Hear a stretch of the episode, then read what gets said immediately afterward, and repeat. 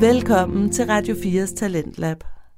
Jeg hedder Dorte Palle, og denne time, der er det ungdommen, vi skal have fokus på. Et sted langt ude på Sjælland, der ligger Vallekilde Højskole. Det er et pragtfuldt sted, hvor jeg har fået fornøjelsen af at undervise i podcast et par gange. Det er første gang her i Radio 4's Talentlab, at vi skal præsentere jer for nogle af de podcasts, som højskoleeleverne har produceret. Den første, vi skal lytte til, hedder Hvad nu hvis? Den er lavet af Clara Bjerrum Trandborg, Frida Glaser Ejgaard, Anne-Katrine Wulf Knudsen og Johanna Alma Uldal Kræfting. Nogle af jer kan måske huske de der bøger, som jeg i hvert fald læste, da jeg var ung, hvor man selv kunne bestemme handlingen, mens man læste. Hvad nu hvis? Det er en podcast, hvor øh, det her format det er blevet bragt ind i et lydunivers. De fire unge piger har med afsat i genkendelige og relaterbare ungdomsdilemmaer skabt en række fiktive historier. Og hvert afsnit understøttes af sit eget særegne lydunivers, der passer til den pågældende historie. De har arbejdet i makkerpar, og så har de udfordret hinanden til enten at vælge A eller B. Og så har de brugt hinandens egne erfaringer til i fællesskab at nå til en enighed. Vejen hen til enighed, den er ikke altid nem, da de fire værter er meget forskellige, men det er jo også det, der gør podcasten interessant at lytte til. Prøv selv at høre her. Velkommen til podcasten Hvad nu hvis?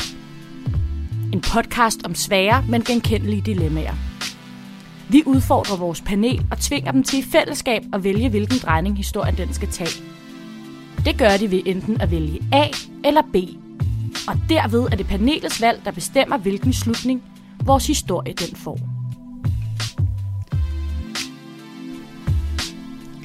Panelet i dag består af Frida Ejgaard og Johanna Krafting.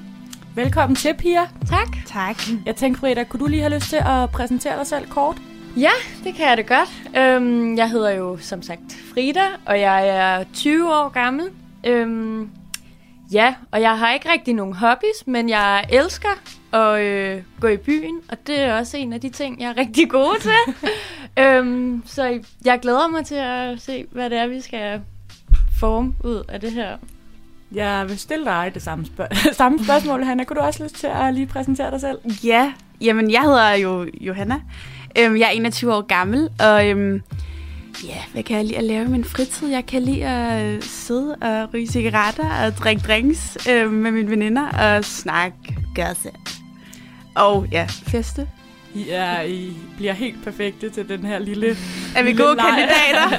Fuldstændig. Det er helt perfekt. Øhm, Vi øh, glæder os til at komme i gang. Jamen skal vi ikke bare komme i gang? Det er da det, vi skal.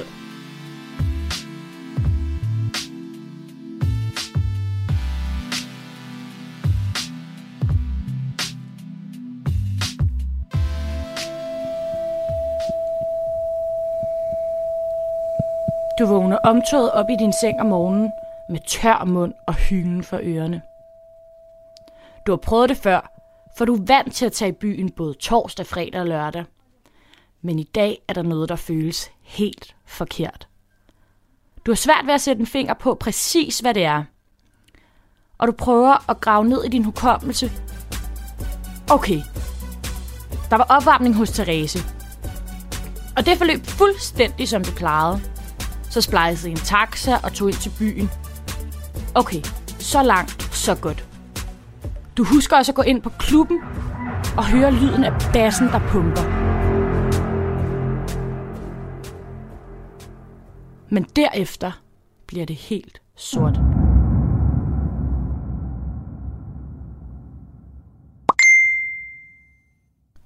Der tigger en sms ind fra din veninde.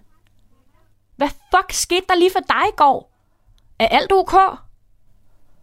Og du har ingen idé om, hvad hun taler om.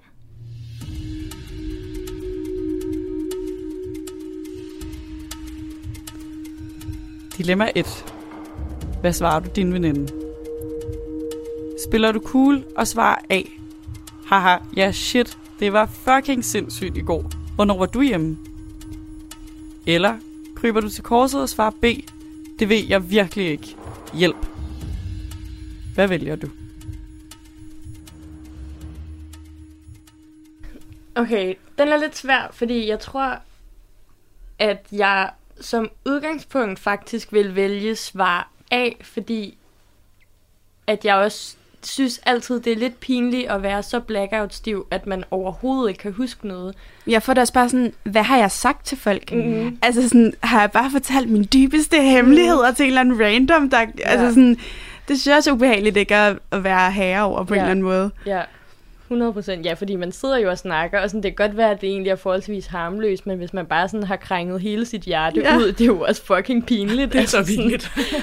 Så ved at svare A, tror jeg lidt, jeg ville håbe på, at hun bare ville fortælle mig, hvad der så skete, i stedet for, at jeg ligesom selv skulle starte med at være sådan, det kan jeg overhovedet ikke huske. Ja.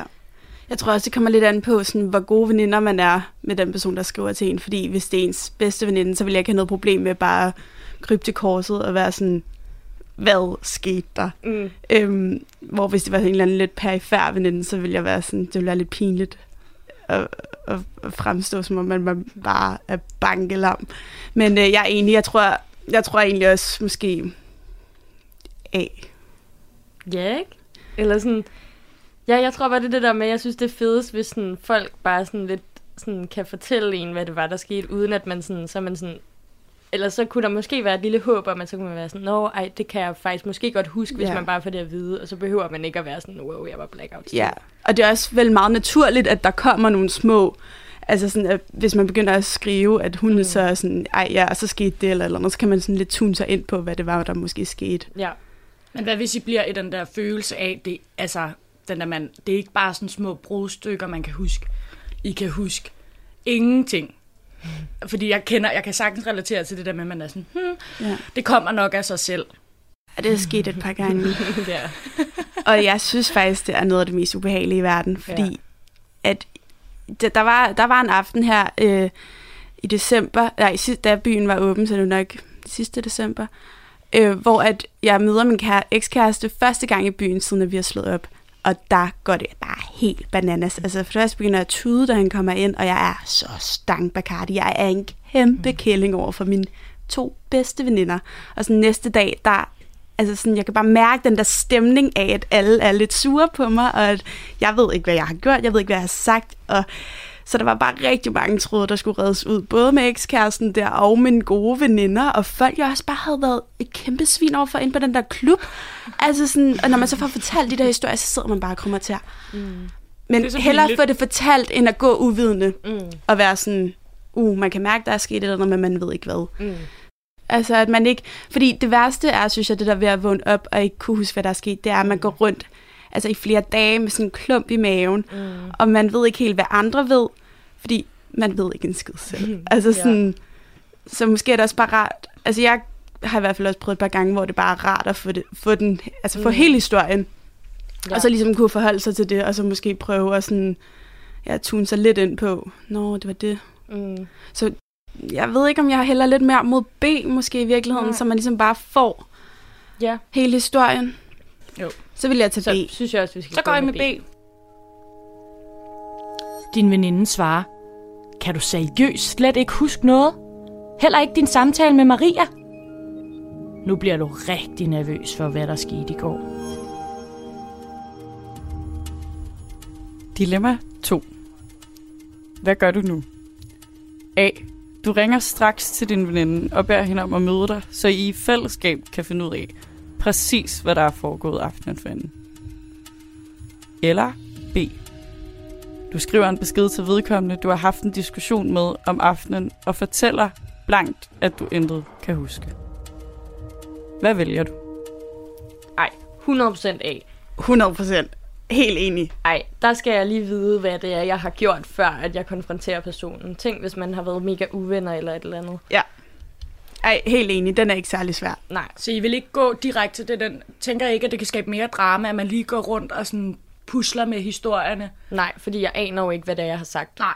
Jeg tænker også, det er bedre lige at have styr på sine facts, før Ja. man så konfronterer. Ja. Og sygt Okay. ubehageligt at sidde foran personen, og personen så konfronterer en med, med det, man måske har gjort forkert. Ja, så ej, står man der. Ej, ej, ej. Det ville jeg slet ikke kunne holde ud. 100% af. Også fordi det kunne godt være en situation, som var blevet lidt misforstået, eller et eller andet, hvor Marie mm. måske slet ikke har taget det så tungt, men dem omkring har set det som en eller anden lidt Mm. vild diskussion. Øhm, så ej, jeg havde lige behov for at snakke den igennem. Så I går med A? Ja. Det er i orden.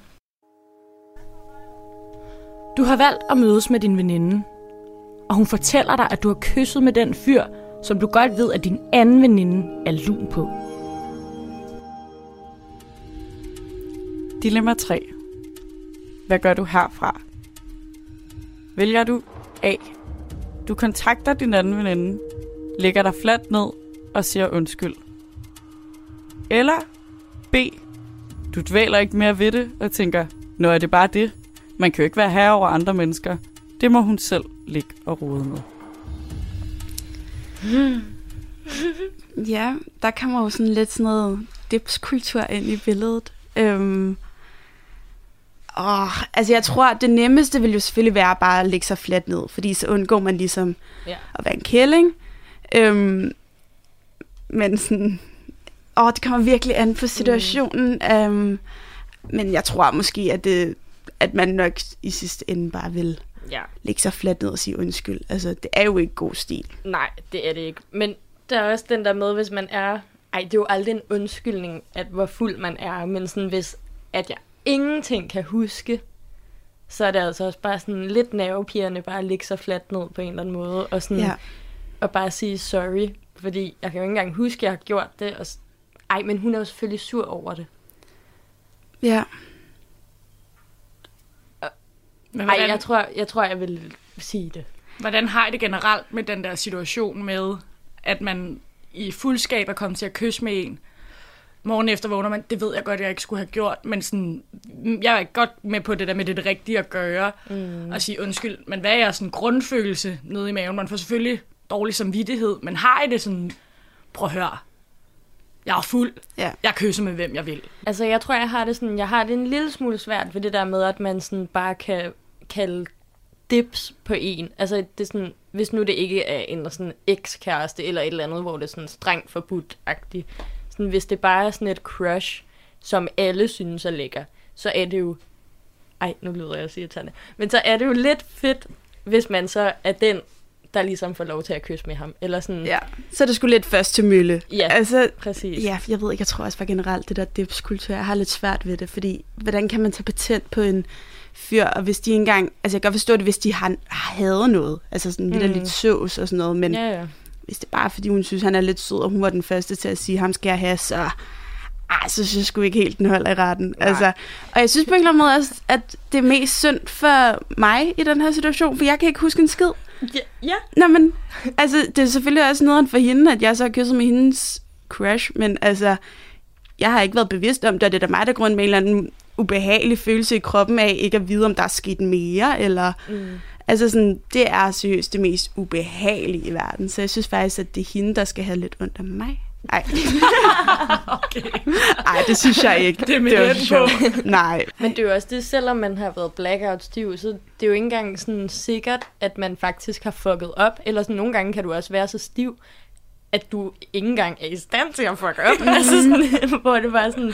Men der har man stadig lidt moralske Ja. tømmermænd, fordi at man ikke kan huske noget, så man har... Man vågner bare op med den der frygt for, at man har fucket op. Ja. Ja. Men jeg synes faktisk, i største delen af gangene, hvor man er, altså er sådan ægte blackout stiv, altså så er jeg ikke i stand til at fuck op. Nej, så ligger er jeg jo nærmest løgn. bare og raller. Og så spørger man folk, har jeg, hvad gjorde jeg i går? Ej, du var bare fucking stiv, du var bare vild griner, du Ja. sagde bare en masse. ja. altså sådan, så det Ja. er nok. Og så bliver man sådan helt, Piu, det er lidt Ja. pinligt, ja. men det er, hvad der sker, ikke? ja. Men er bedre, at det bare er lidt pinligt, end at man har gjort Ja. noget. Ja, Men det lyder jo lidt på det, I siger nu, som om, at I hælder umiddelbart mest til B, og tænker, at man dvæler ikke mere ved det, og tænker, nå, er det bare det? Altså, det vil jeg faktisk gøre, hvis det var en lidt perifær festveninde. mm. Øh, Det er noget andet, hvis det var ens bedste veninde, hvor så vil jeg være sådan, shit, beklager, kan ikke huske det. Du vil ikke Men- undskylde, du vil Nej, beklage. ja, jeg, vil, jeg vil helt seriøst, Der står sådan, forskel nemlig. ja, altså sådan, det, nogle gange, der er sgu en smutter en gang imellem, mm. og det, altså, ja, der er jo ingen tvivl om, hvis det var ens tætte veninde, så ville man lægge sig fladt ned og Ja. være fucking ked af det. Men Okay, men hvis vi går med, at det er sådan en perifær festveninde, ja. som man møder i byen, man vidste godt lidt, at hun måske synes, at ham her så lidt dejlig ud, så vil jeg simpelthen måske være en lille smule ligeglad og glemme det. Og man faktisk så lige høre, hvis vi så forestiller os, at hende her pigen kommer hen til jer i byen, og bliver skide sure på jer, er I så, vil I så blive den der sådan, slap nu af?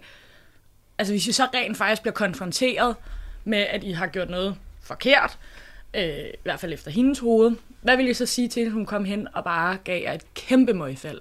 Jeg vil sige, øh, ja, jeg ved godt, at, jo, jeg vil beklage, men jeg vil også sige sådan, ej, altså det er, hvad der sker.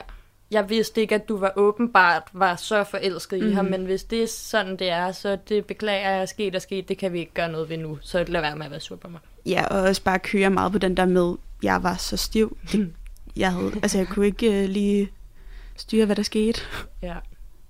Nu har I jo valgt øh, forskellige... I er gået med B, og så er I faktisk nået til der, hvor historien den er slut. Tusind tak for det, Pia. Det har været skide god. Selv tak. det var sjovt.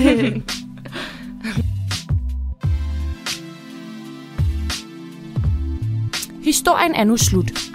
Grundet pigernes valg har historien fået lige netop den her slutning. Og vi vil aldrig finde ud af, hvilken slutning historien kunne have fået, hvis pigerne nu havde taget nogle andre valg. Tak fordi I har lyttet med.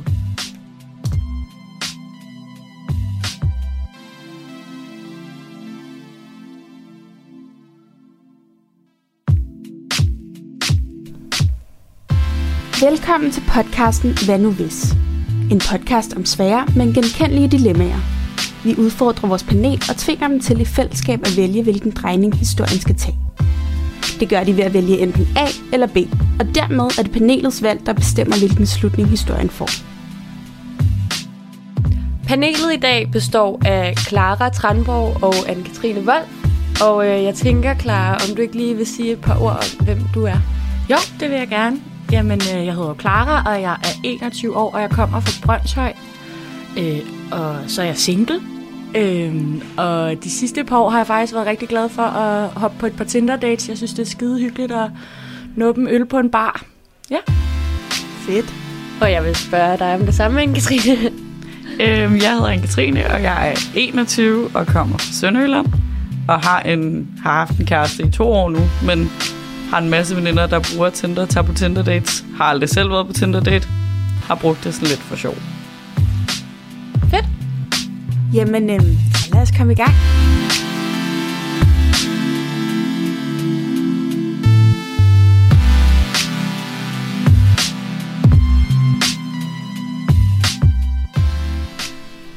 Du er træt af at sidde på café med dine veninder og være den eneste, der ikke har en kæreste. Alle dage føles ens, og du har behov for, at der sker noget nyt. Du har svært ved at snakke med fyre, når du og dine veninder er i byen eller på bar. Du har længe overvejet at downloade Tinder, men dine veninder synes, det er kikset og overfladisk at vælge ud fra et billede. En søndag morgen med tømmermænd efter endnu en mislykket bytur uden gevinst, beslutter du dig for at trodse dine veninders fordom og downloade Tinder. Du bliver suget ind i Tinder-universet og matcher med den ene flotte fyr efter den anden. Et match skiller sig ud fra de andre og fanger din interesse ekstra meget. Du skriver en besked og håber på, at han svarer. Dagen efter hører du lyden af en Tinder-besked, og det kilder i maven ved tanken om, at det er ham, der måske har svaret. Forventningsfuldt åbner du beskeden, og der er jackpot. Han spørger, om I skal drikke en øl på Blågårdsgade. Straks bliver du i tvivl, da det er dig og din veninders stamsted. Du vil nødigt risikere at møde dem, mens du er på Tinder-date, fordi du sikkert bliver drillet med det.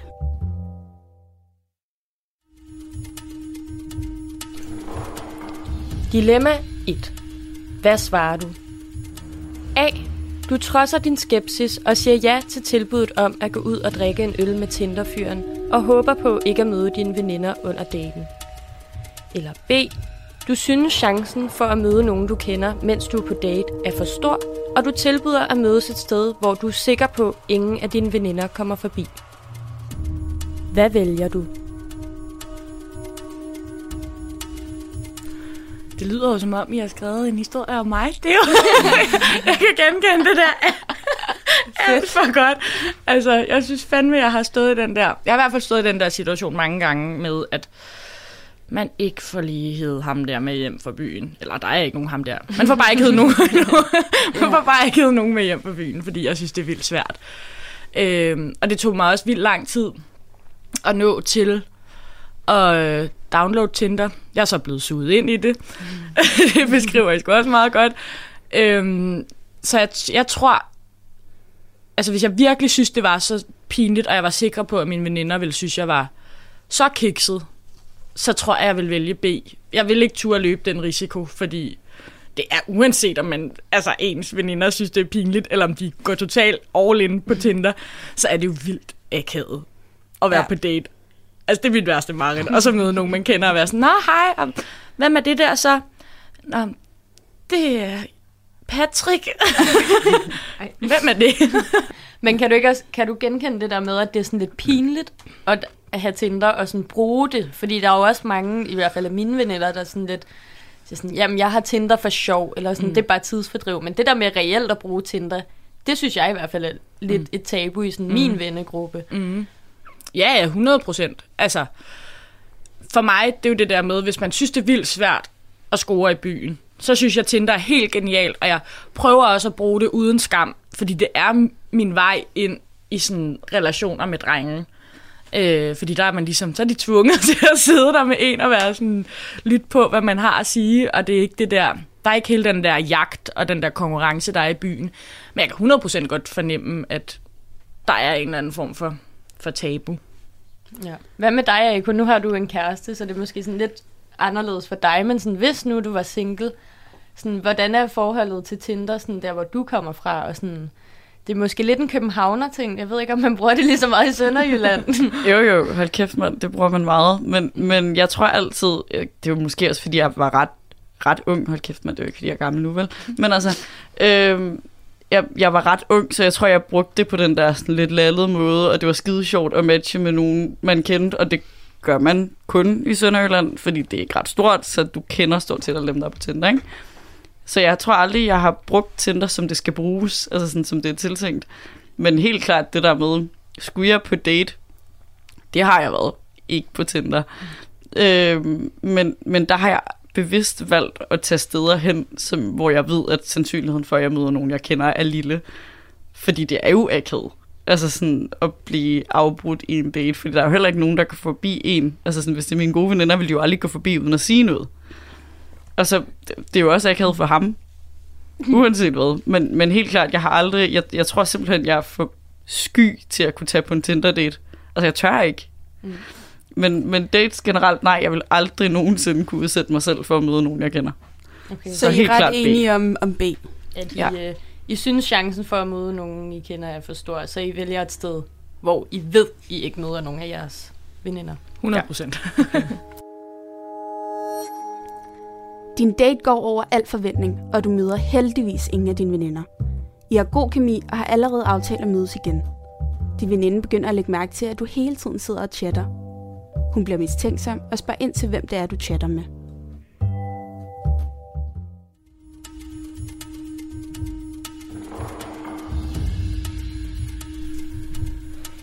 Dilemma 2. Hvad svarer du? A. Du siger det som det er, og fortæller, at du har været på date med en fra Tinder. B. Du siger, at du har været på date med en sød fyr, men udelukker at fortælle, at I har mødt hinanden på Tinder. Hvad vælger du? Altså, jeg tror ikke, jeg ville lægge ud med at sige, at vi havde mødt hinanden på Tinder. Men jeg tror heller ikke, at jeg vil holde det sådan skjult. Fordi der kommer nok et tidspunkt, hvor de er sådan, hvornår, hvornår skulle du have mødt ham, hvis ikke det var sammen med os? Hvis ikke det var, fordi det var på Tinder. Men til at starte med, nej, jeg vil ikke reklamere med, at det var sådan, det er ham swipede jeg på, som du snakkede om. Men jeg tror også, jeg vil rykke samtalen væk fra Tinder meget hurtigt, hvis jeg sådan følte, at det var noget, der kunne blive til noget.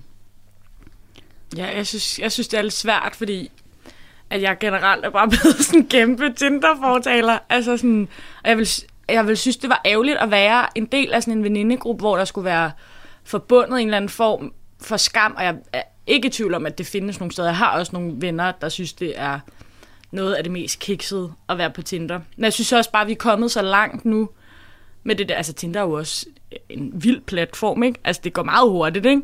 Man dømmer hinanden på et splitsekund, og det kan jo potentielt være en, du rent faktisk vil have vildt god kemi med. Men altså, jeg tror nu, hvis, hvis jeg tager udgangspunkt i mig selv, og min historie med Tinder, så vil jeg sgu nok, det kan sgu godt være, at jeg bare vil sige det, fordi, altså for ligesom at blive så bare bryde ud af det der med, at det ikke skal være skamfuldt, og det er, altså det virker for nogen, og for andre virker det ikke, men for mig personligt, så virker det skide godt. Altså, mm. og hvis jeg, hvis jeg har været på den der skide gode date, altså så vil jeg også synes, det var ærgerligt, hvis nu vi siger, at tingene udviklede sig, og skulle ud i en eller anden løgn omkring, mm. og så skulle vi fælles blive enige om, at ej, vi mødte bare, vi rakte bare ud efter den samme øh, hakkede oksekød i, i, i, i netto. Altså sådan, det sker jo aldrig for nogen alligevel. Ja, jeg ved ikke. Nå, men, men der kan jeg godt følge dig. Altså, jeg vil jo aldrig, jeg vil aldrig pakke det væk. Altså sådan, men det kan godt være, at det ikke vil være det første, jeg vil sige. Mm. Men det, der jeg mener med at rykke samtalen væk fra Tinder, tror jeg også, at jeg har det der forbundet med, at det er lidt overfladisk. Så hvis det er noget, du vil noget mere med, så kan du lige så ja. godt altså, skrive med ham på Messenger, fordi så virker det bare sådan lidt... Ja, det ved jeg ikke, ja. så vil jeg ikke køre den videre på Tinder. Ja. Mm. Nej, det, det kan godt være, lige den her situation, hvor man måske heller ikke sige det allerede. Der, Nej. Hvis det bare bliver Nej. ved den der sådan overfladiske snak. Jamen, jeg har mødt en fyr. Ja, mm. slut. Og det er jo det, om man bare ligesom skal break den med det mm. samme, og være sådan, jeg har mødt ham på Tinder, eller bare lige sådan, jeg har mødt en sød fyr, mm. og så udelukker til at starte med at sige det for Tinder. Ja. Så man ligesom... Men så er man jo også lidt på vej ind ja, i den det der det. onde ja. spiral med, om, øh, hvornår ja. man så skal sige det, og så bliver det jo, tror jeg, endnu sværere at sige, hvis, øh, hvis der går længere tid. Ja, det er, nemlig, sådan... det er nemlig det, jeg synes, der er lidt farligt ved det, hvis det, hvis, hvis det er en af mine altså, gode veninder, der spørger. Og så kan jeg godt sætte mig ind i det der med, hvis det er en, der synes, altså det er vildt kikset, så er det måske ikke det fedeste at sige. Men jeg, jeg, jeg tror bare allerede vil man, altså, fordi så vil hun jo i situationen spørge, når hvor har du mødt ham? Altså, jeg kan jo ikke bare sige en sød fyr, så siger hun, nå okay, øh, hvad skal vi så snakke om? Altså, så, ja, der skal nogle detaljer på bordet. Ja, sådan ja. er det jo for fanden, når man er veninder. Så skal ja. man have alle det... The juicy. Ja, præcis. Men, Men var, det, var det en god veninde? Fordi hvis det var en god veninde, ville jeg aldrig lyve eller holde det hen. Så tror jeg, hun ville vide det overhovedet før, at... Det er bare altså, en veninde, der kommer forbi. Ja. Og eller sådan, I sidder, du sidder hele tiden og chatter, og hun er sådan, nej, ja. hvem chatter du med? Mm. Ja. ja. Men det er en venindegruppe, som sådan generelt synes, at det er lidt kikset, det med Tinder, det er svært, mand. Ja, den synes jeg så til gengæld også er, øh, er lidt, lidt svær. Hvad, hvad, hvad går I med? Jamen, hvis, stemning, hvis stemningen ligger, altså at man sidder i et rum, hvor man godt ved, at stemningen er, at du er super kikset, hvis du er på Tinder, så kan det godt være, at jeg vil gå hvad det A med B. at... Eller hvad? Med ikke, at, ikke, ikke, at, sige det, ikke at sige det. Ja. Endnu. Ja. Så jeg går med B. Hvor man ikke siger det. Hvor I, ja, I udelukker at fortælle. Ja. I siger det, I har mødt en sød ja. fyr, eller du, du, du, man er jo kun på date, ikke? Men at I har mødt en sød fyr, men siger ikke, at I har mødt hinanden på Tinder. Ja. Det er jo heller ikke helt at lyve, faktisk. Nej, nej. nej, nej, det er bare at udelukke en del af sandheden. Ja. Det går med B.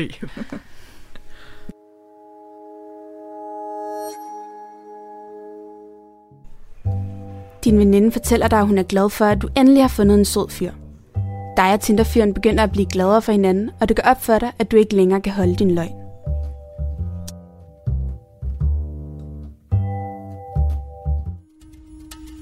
Dilemma 3. Hvad gør du? A. Du kryber til korset og fortæller, at du har lovet. Eller B. Du siger, at I mødte hinanden i byen, og at I efterfølgende er matchet på Tinder, og løgnen fortsætter i en mild grad.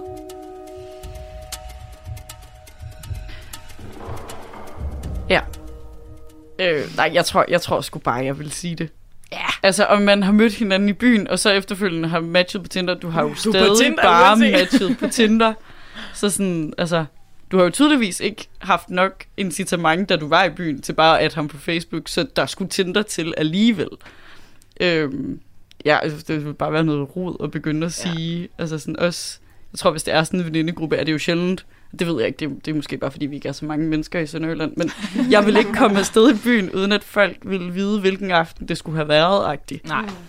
Øhm, så det vil være en unødvendig og lidt for besværlig løgn at begynde på, tror jeg. Ja, hvis, hvis du så efterfølgende siger, at du har matchet med ham på Tinder, så har du ligesom afsløret, at du er på Tinder. Mm. Og så vil de jo synes, det er nederen uanset. Mm. Så jeg vil, der vil jeg, nu er jeg nået til det punkt, så vil jeg være, altså, i hvert fald sige det. Og man, man ved bare, at hvis man får rodet sig ud i de der løgne der, så har det altså altid en lidt ærgerlig slutning, Ja. fordi man kan til sidst ikke finde hoved og hale i det. Ja, altså. Det er også lidt synd for fyren, ja. ikke? Som om man ikke rigtig vil kendes ved ham på en eller anden måde. Eller sådan det der med sådan. Ja. jeg tør ikke rigtig sige, hvordan jeg mødte dig. Eller sådan, nej, ej, og så skal man jo koordinere. Hvis nu han bare er sådan en super Tinder-fyr, der bare elsker det, Ja. og sådan, så skal man ligesom koordinere med ham, at Ja. han skal sidde og lyve. Og sådan, ej, er det er det jo tavligt? ikke mig, der skal Nej. med Men det er sgu tavligt at hive andre med ind i ens løgn. Ja, det Altså tit så er det jo sådan noget, man får fedtet sig selv ud i et eller andet. Det kan være meget svært, men hvis man også skal bede et andet menneske om at lyve på ens egen vej, fordi at,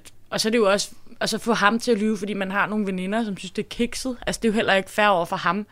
Der må man sgu, der vil jeg skulle stå ved mig, altså Ja. ja. ved mig selv. Og altså, få, nogle, få nogle nye veninder. Ja, altså, nej, hvis, seriøst, hvis det, er sådan, nej, men hvis det kan være et problem, at du har mødt en fyr, du er glad for på Tinder, at det skal være kikset, så er der da noget galt, hvis de ikke sådan bare ja. kan unde dig, at du har fundet en eller anden, du har det sygt godt med. Altså, jeg matchede det også med min kæreste på Tinder.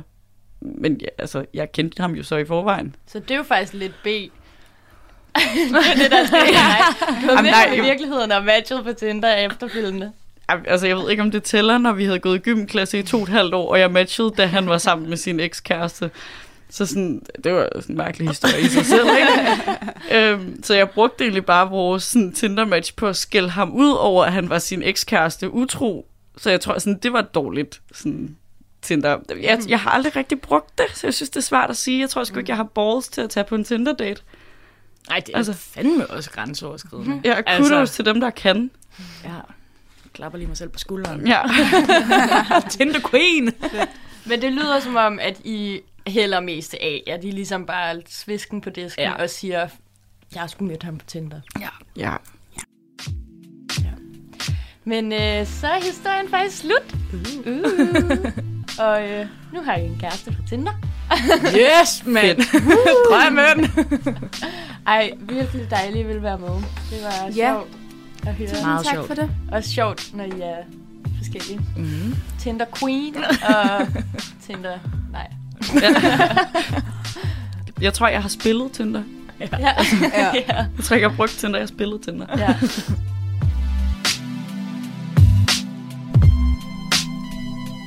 Historien er nu slut, og grundet pigernes valg fik historien lige præcis denne afslutning. Men vi finder aldrig ud af, hvordan historien ellers ville have endt, hvis pigerne havde taget nogle andre beslutninger undervejs. Mange unge har helt sikkert prøvet at stå i en situation, der ligner den, vi har talt om i dag. Og vi håber, I synes, det har været sjovt. Tusind tak, fordi I har lyttet med.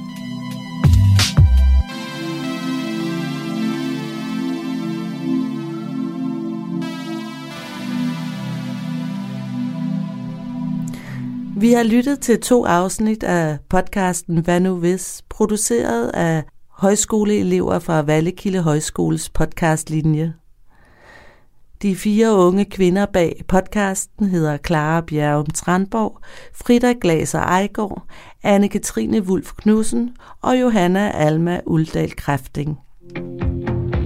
Og vi kan også nå at lytte en podcast mere fra Vallekilde Højskole. Det er en lidt anden genre. Kvadrillen, det er en satirisk podcast, som tager udgangspunkt i Irak-krigen. I podcasten tager fire politikere en beslutning om selv at drage i krig for at redde det ellers ret dårlige omdømme, de har fået. Følg med på deres rejse. Den 18. marts 2003 vælger to mænd at smide rød maling ud over Anders Fogh Rasmussens fine jakkesæt. Få dage forinden er det blevet besluttet, at Danmark hjælper USA med invasionen af Irak. Anders Fogh kommer ind i mødelokalet. Han er ophidset, og frustreret forsøger han at tørre malingen af med en køkkenrulle. Han har fået at vide, at han har blod på hænderne. Anders Fogh han er fortvivlet og trækker derfor sin regering i samråd.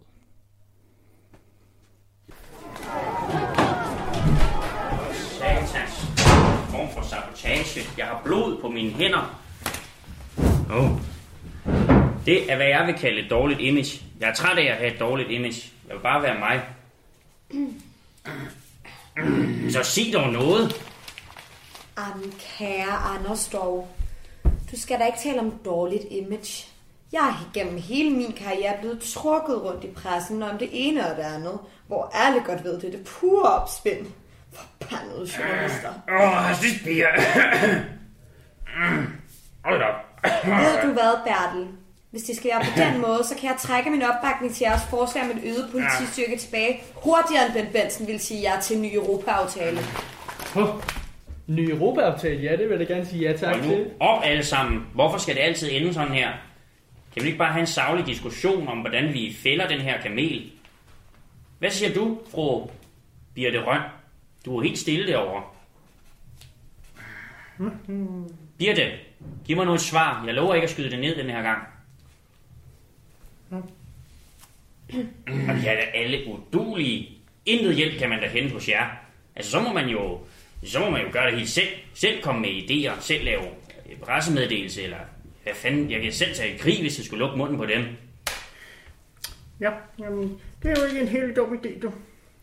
Det vil lægge historien i graven. Det, du vil aldrig blive anklaget for øh, hykler nogensinde igen. Og øh, blod på dine hænder, ja, det kan godt være. Men i det mindste er du ikke dobbeltmoralsk. Det det er fandme retfærdighed. Ja, jeg ved nu ikke lige, altså. Ja, jamen det vil jo have stærk signalværdi. Prøv nu bare lige at se det for dig, Anders.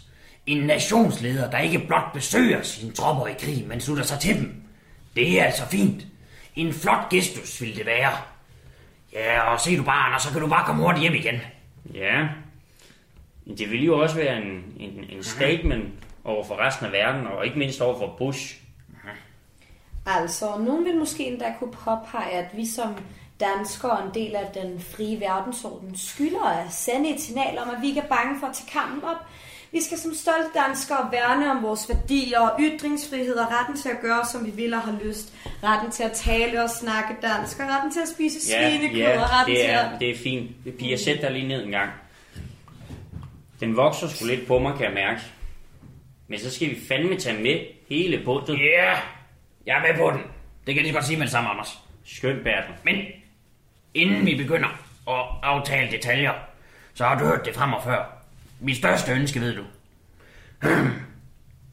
Du ved jo, jeg har kørt lidt død i at være integrationsminister, og jeg har tænkt lidt på, om jeg kunne få et job, hvor piger ikke hele tiden er på nakken af mig.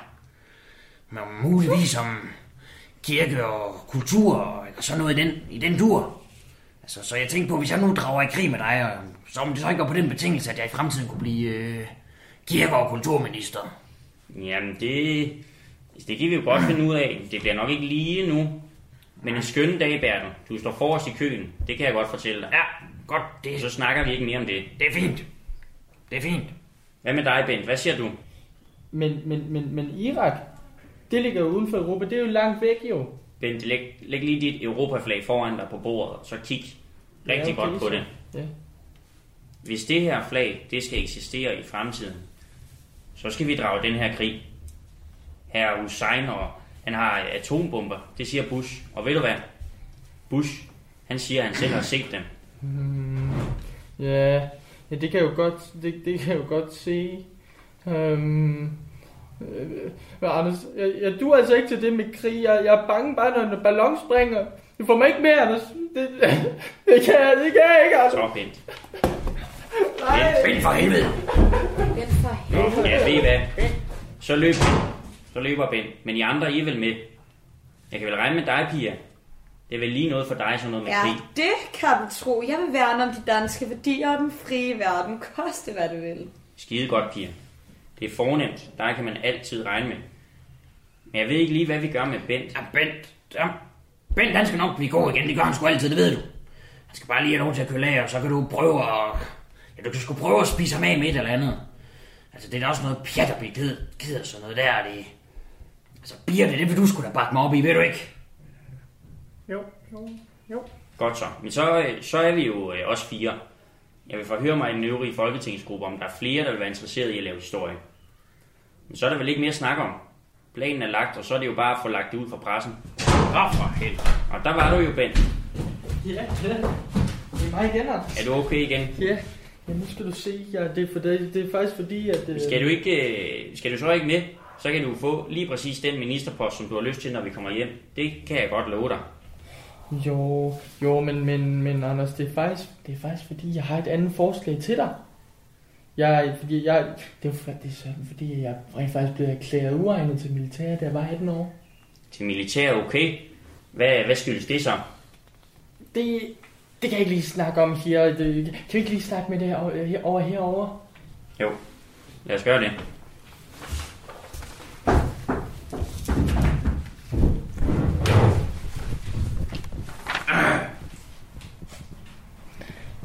Anders, nu skal du høre, det, det er fordi min, min arm, de er lige lange. Og, og, og så har jeg jo stadig døjet meget med noget møllerbe, skal du se. Det er jo ikke særlig praktisk i Nå, krig. for søren. Det er så alene. Ja, det er også noget råd. Men kan kan du ikke bare klemme ballerne sammen? Nej, det, det er ikke så nemt, Anders. Det er fordi, at det er sådan noget kronisk noget med en tarmflora. Det, det, det kan gå helt amok, uden du ved det.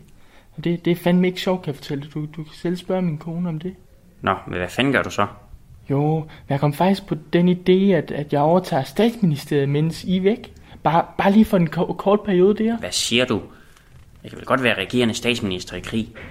Det er jo en del af historien. Jamen, jamen kære Anders, det, det kan du jo ikke. Det kan du godt se. Det, det dur jo ikke. Du bliver nødt til at tage overlov og overlade det til mig. Ellers så kører du kongeriget helt i sænk, og du, du det bliver husket som ham, som satte Danmark over styr.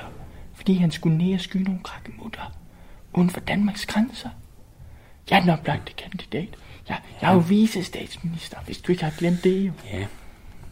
Og for søren da også. Men, men godt så, så får du den. Men så skylder du altså for, for, for ikke at tage med. Det kan jeg da godt sige dig. Ja, ja, ja, ja. Ja, det kan jeg da godt love dig for. Du, du vil ikke blive skuffet. Det gør du ikke, Anders. Godt. Men så er planen lagt. Nu skal det bare formidles. Birte, du tager fat i pressechefen. Og Bertel, du skal hjælpe mig med at overtale resten af Folketinget. Og Pia, du skal bare fokusere på ikke at gå for aggressivt i krig. Er alle med på den? Ja, for satan! Det Ja, har det tror jeg. siger Ja, helt sikkert. Ja. ja, ja. Det er en plan.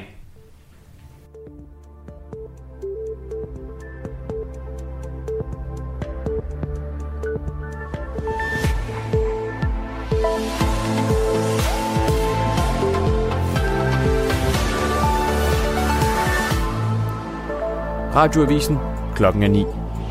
Dagen i dag er historisk, for det er blevet den 5. juni 2003, dagen hvor statsminister Anders Fogh Rasmussen, Bertel Hårder, Pia Kærsgaard og Birte Røn Hornbæk for lidt over to og en halv måned siden tog beslutningen om selv at deltage i krigen i Irak. Beslutningen blev taget på baggrund af malingattentatet på Anders Fogh Rasmussen den 18. marts. I de forgangne måneder har der været stor opbakning til beslutningen om, at politikerne selv går i krig. Flere og flere politikere har derfor valgt at tage samme beslutning. Her inden afrejsen kl. 10 til Bagdad har Anders Fogh Rasmussen indkaldt til pressemøde i Kastrup Lufthavn sammen med de tre andre ministre. Velkommen alle sammen. Jeg vil gerne lige starte med at sige, at jeg i dag står her først og fremmest som en stolt dansker. Stolt af de mange, der har valgt at slutte sig til mig, og de tre andre modige mennesker bag mig her. Denne missions alfa og omega er at befri de mange undertrykte mennesker, der lige nu er fanget i tyranni og uden basale menneskerettigheder. Og ikke mindst om at fratage de masseødelæggende våben, som Saddam Hussein besidder. De er og bliver en trussel imod vores frie verden. Det er dermed vores pligt at answer the call to arms og pålægge os selv det ansvar. I har som danskere ingen grund til bekymring, for I vil naturligvis blive efterladt i gode hænder. Med et velkendt ansigt, som I nok ved, Bent Benson. Så fra det sekund, jeg sætter mine ben i det fly, så er jeg ikke længere siddende statsminister af Danmark. Så er der kun én ting at sige. We will answer the call. Nogle spørgsmål? Ja, øhm, hvordan er I overhovedet kvalificeret til at gå i krig? Ja, jeg forstår godt spørgsmålet, eftersom I jo nok kan se på os, vi ikke ligner direkte killing machines. Men vi har igennem de sidste to og en halv måned været igennem et intenst fysisk og psykologisk træningsforløb i USA, der har gjort os alle klar til at løfte den opgave, der står foran os. Det kunne godt virke som en meget forhastet beslutning. Er I sikre på, at det er den rigtige? Der, jeg må erklære, at det sagtens kan virke som en beslutning, der kommer ud af det blå. Men jeg må indrømme, at jeg personligt selv har haft lysten til at stå op for det, jeg tror på siden 9-11. For der er intet vigtigere end freedom, ligesom vi er så heldige og privilegerede at have her i den vestlige del af verden. Har krigen noget med Iraks olieressourcer at gøre? Nej, det er en påstand, som jeg blankt må afvise. For jeg kan næsten ikke sige det nok gange. Det eneste, som den her mission drejer sig om, det er at give borgerne i Mellemøsten sikkerhed og frihed. Der er absolut ingen dybere politisk motivation. Og jeg må faktisk sige, at det gør mig en smule sur og skuffet over, at du overhovedet kan finde på at stille sådan et spørgsmål. Så jeg tror faktisk, at vi alle har et fly, som vi skal nå, og så snakker vi ikke mere om det. We will answer the call. Tak, og på gensyn. Anders Fogh Rasmussen går ejet ned fra talerstolen og backstage sammen med de tre andre. Anders har sved drøbende ned fra sin pande, og han træsker bandene backstage. Der er nu 40 minutter til liftoff, og det er som om, at det begynder at gå op for dem, hvad de alle har sagt ja til. Hold kæft noget lort, var. Jeg har fandme ikke lavet andet end at svare på spørgsmål, siden vi kom hjem fra bootcamp. Fandeme, om jeg er færdig med det. Jeg glæder mig næsten helt til vi skal afsted. Det er lidt ferieagtigt. Ah, helt ferieagtigt er det vel ikke. Det er dybt seriøse sager, vi skal arbejde med, kære Anders. Og øh, nu må du ikke blive sur, Anders, men jeg har faktisk været i korrespondence med mine kontakter i forsvaret, som har vurderet, at jeg skal forfremmes til officer, hvilket rent faktisk betyder, at jeg nu vil være din overordnede sergeant Det har du kraft med ikke gjort, Pia. Der ringer jeg sgu da bare til Svend Åge, den siddende forsvarsminister, og får mig gjort til, til, øh, til oversergeant. Og så kan jeg love dig for, at det kommer til at havle ned over dig, Pia. Så ringer jeg fandme med det samme. Åh, Anders, du glemmer nok, at du overgav statsministeriet til Bent tidligere i dag. Hvilket altså betyder, at du ikke har noget at forhandle med. Amen for satan i helvede for pulet. For en gang skyld vil du nu pludselig tage ansvar. Du vil ikke øh, i regeringen, men fandme om du vil bestemme nu, hvor vi skal i krig. Det er over stregen, Pia. Det vil kun give mening, hvis det er mig, der er lederen. Det var min idé. Ja, det var rent faktisk øh, øh, Birte Røn, altså min egen idé at realisere dette. Øh, du havde blot en ironisk tilgang til det, øh, dengang du foreslog det. Øh, det må jeg lige pointere. Nej, det er altså ikke rigtigt. Åh, oh, Anders, du tror sgu Birte har ret i den her. Men på trods af det, så er du leder, når vi kommer hjem. Ja, altså, hvis vi kommer hjem igen. Nu holder du kæft, Pia. Det skider jeg på. Jeg har kommandoen. Øhm, jeg ved ikke, hvad jeg er i gang i, men øh, vil ikke lige gå på, ombord på fly. Hold kæft! Hey! Nu skal du huske, hvem du taler til. Du er ikke længere på Christiansborg, sammen med dine fine venner i fin jakkesæt og fint tøj. Du vil tiltale Kim her som major Busk og mig som oversergeant Skov. Er det forstået? Mm, Ja, ja det, det er det. Det hedder ja, herre oversergeant Skov. Ja, herre oversergeant Skov. Welcome to the real world, og kom så ombord. Efter seks larmende timer i et militærfly, ankommer Anders, Bertel, Birte og Pia endelig til Irak. Bertel vågner med et sæt, når flyets hjul rammer den tilsandede landingsplads. Bertel går, haltende med et ben, der sover, hen mod flyets udgang, og resten af gruppen finder sine ting og gør ham helende.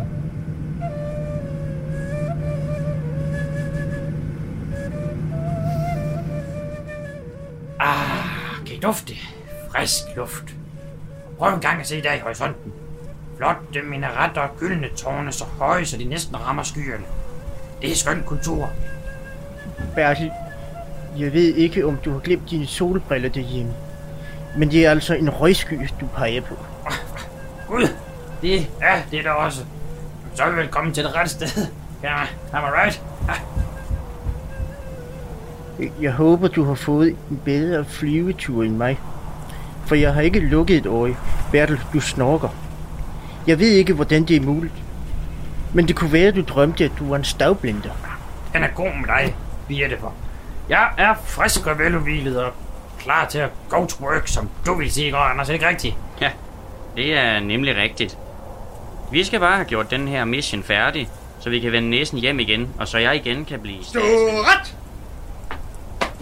Godt. Om få minutter vil der ankomme en, en rover hertil. Den bil skal I sætte jer ind i. Bilen vil køre jer til jeres næste checkpoint, som vil være jeres base det næste stykke tid. Når I er ankommet, skal I gå ind og melde jeres ankomst. Og blive bli- briefet om, hvad planen er. Er det forstået? Yes, sir. Jeepen er varm, og der er ingen aircondition, og alle sidder og sveder. Birte sidder og lufter sin kjole på bagsædet, og Bertel har en kronisk dråbe sved hængende ved sin næsetip. Den danske udstationeringspost ligger fire timer ude af Bagdad. Vejen dertil er svær, Jeg må være helt ærlig at sige, at jeg måske har taget fejl, da jeg sagde, at det bliver som en ferie. Ah, rolig nu, Anders. Det skal nok gå fint. Lad os nu se, hvad de i virkeligheden sætter os til. Må ikke de bare lade os dages lidt, og så kommer præsten og tager nogle billeder, og så er vi hurtigt hjemme igen. Det, det tror jeg, du skal regne med. Mm. Ja, jeg tror altså, at det- virker som om, at Major Bush kan have nogle forventninger til os, som vi måske ikke er helt klar på. Han virker meget klar i spyttet. Anders, nu må du altså lige... Du er selv gået med til det, husker du nu. Der er ikke andet for. Vi har, du må tage det sure med det søde. Når man har sagt A, har man også sagt B. Jeg ved jo godt, du har ret, Birte. Jeg har bare nerver på. Det plejer jeg ikke at have. Altså, nu må jeg lige bryde ind her, for øh, som leder af denne lille kvadrille, så er det jo mit ansvar, at alle er klar til at yde sit bedste, så jeg har noget, der måske vil hjælpe lidt. Buster Larsen! Det er for alle danskere i godt humør. Der må lige sætte den på.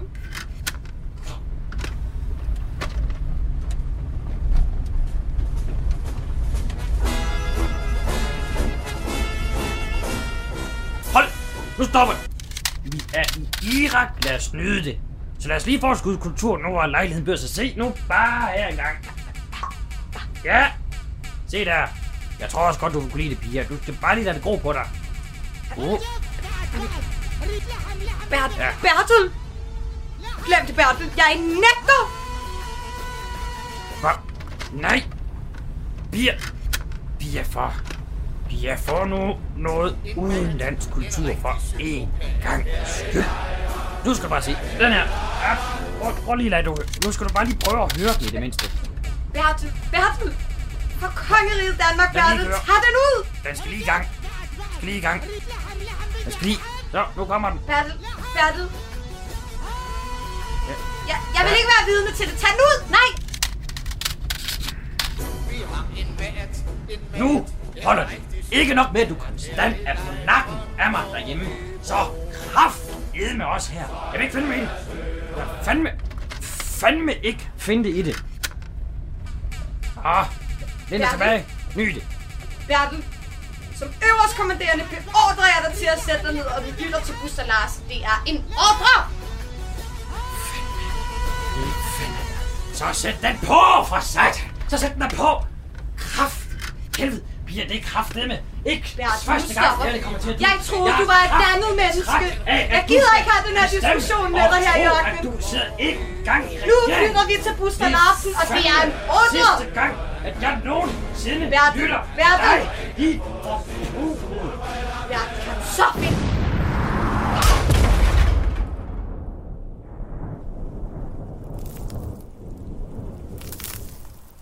Bilen rammer en vejsidebombe og ruller rundt og rundt på grusvejen, som de kører på. De fire nyuddannede og uerfarne soldater bliver kastet rundt i bilen. Støvet virvles op, og det høje brag efterfølges hurtigt af komplet stilhed. Da støvet har lagt sig, kan man se bilen ligge på hovedet, og der kommer nogle lyde inden for bilen. Men de lever?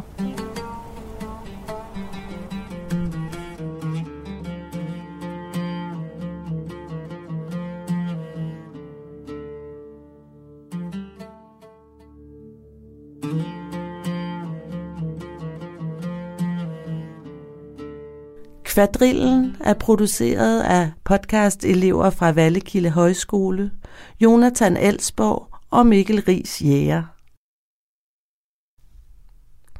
Det var alt, hvad jeg havde at byde på i denne udgave af Radio 4's Talentlab. Jeg hedder Dorte Palle.